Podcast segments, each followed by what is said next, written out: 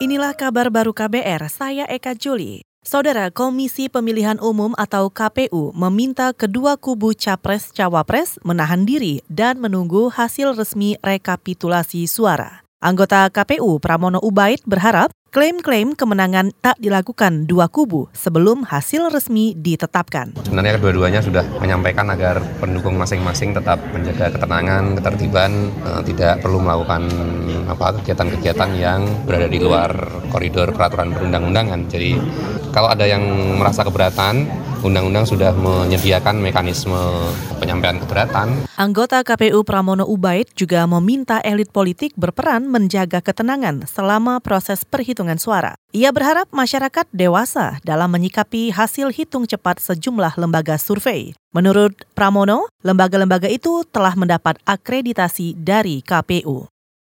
Tim kampanye nasional TKN Joko Widodo Ma'ruf Amin meminta pendukung dan simpatisan ikut menjaga situasi tetap aman pasca rilis hitung cepat.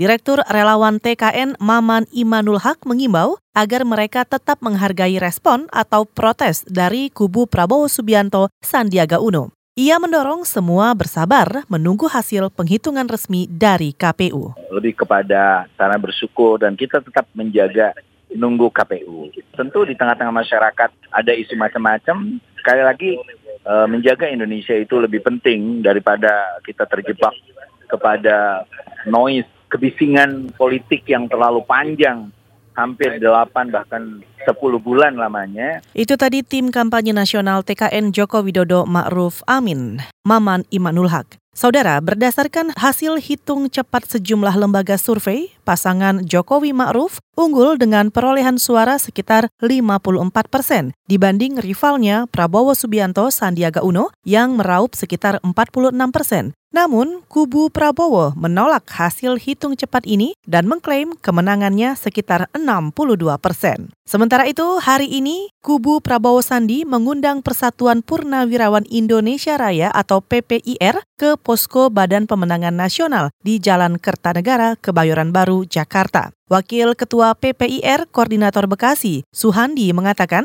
undangan dari Prabowo Sandi diberikan langsung kepada Ketua Umum PPIR Musa Bangun. Menurutnya, dalam pertemuan ini Prabowo akan memberikan arahan tertentu, tetapi ia mengaku tak mengetahui detail isinya. Untuk diundang ke sini sementara infonya kita kumpul saja jam 12 siang nanti akan ada arahan-arahan tertentu dari beliau.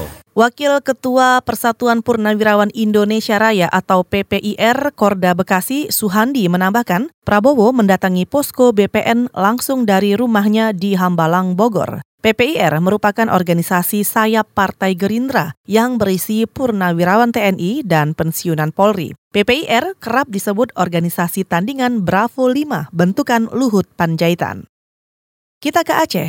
Insiden perusakan pos TNI Angkatan Laut di Lok Sumawe Aceh diakibatkan adanya salah paham. Hal ini diungkapkan Kapolda Aceh, Rio Septianda Jambak. Peristiwa ini dipicu dugaan penganiayaan terhadap anak oleh anggota pos TNI Angkatan Laut. Tidak ada persoalan apa-apa di Aceh ini. Semua itu karena insidentil dan bisa selesaikan dengan baik hanya salah paham saja. Rekan-rekan kan sudah tahu salah paham ini.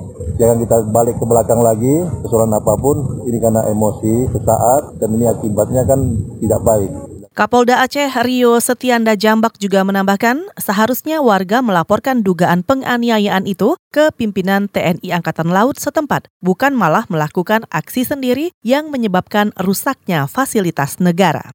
Saudara, demikian kabar baru. Saya Eka Juli.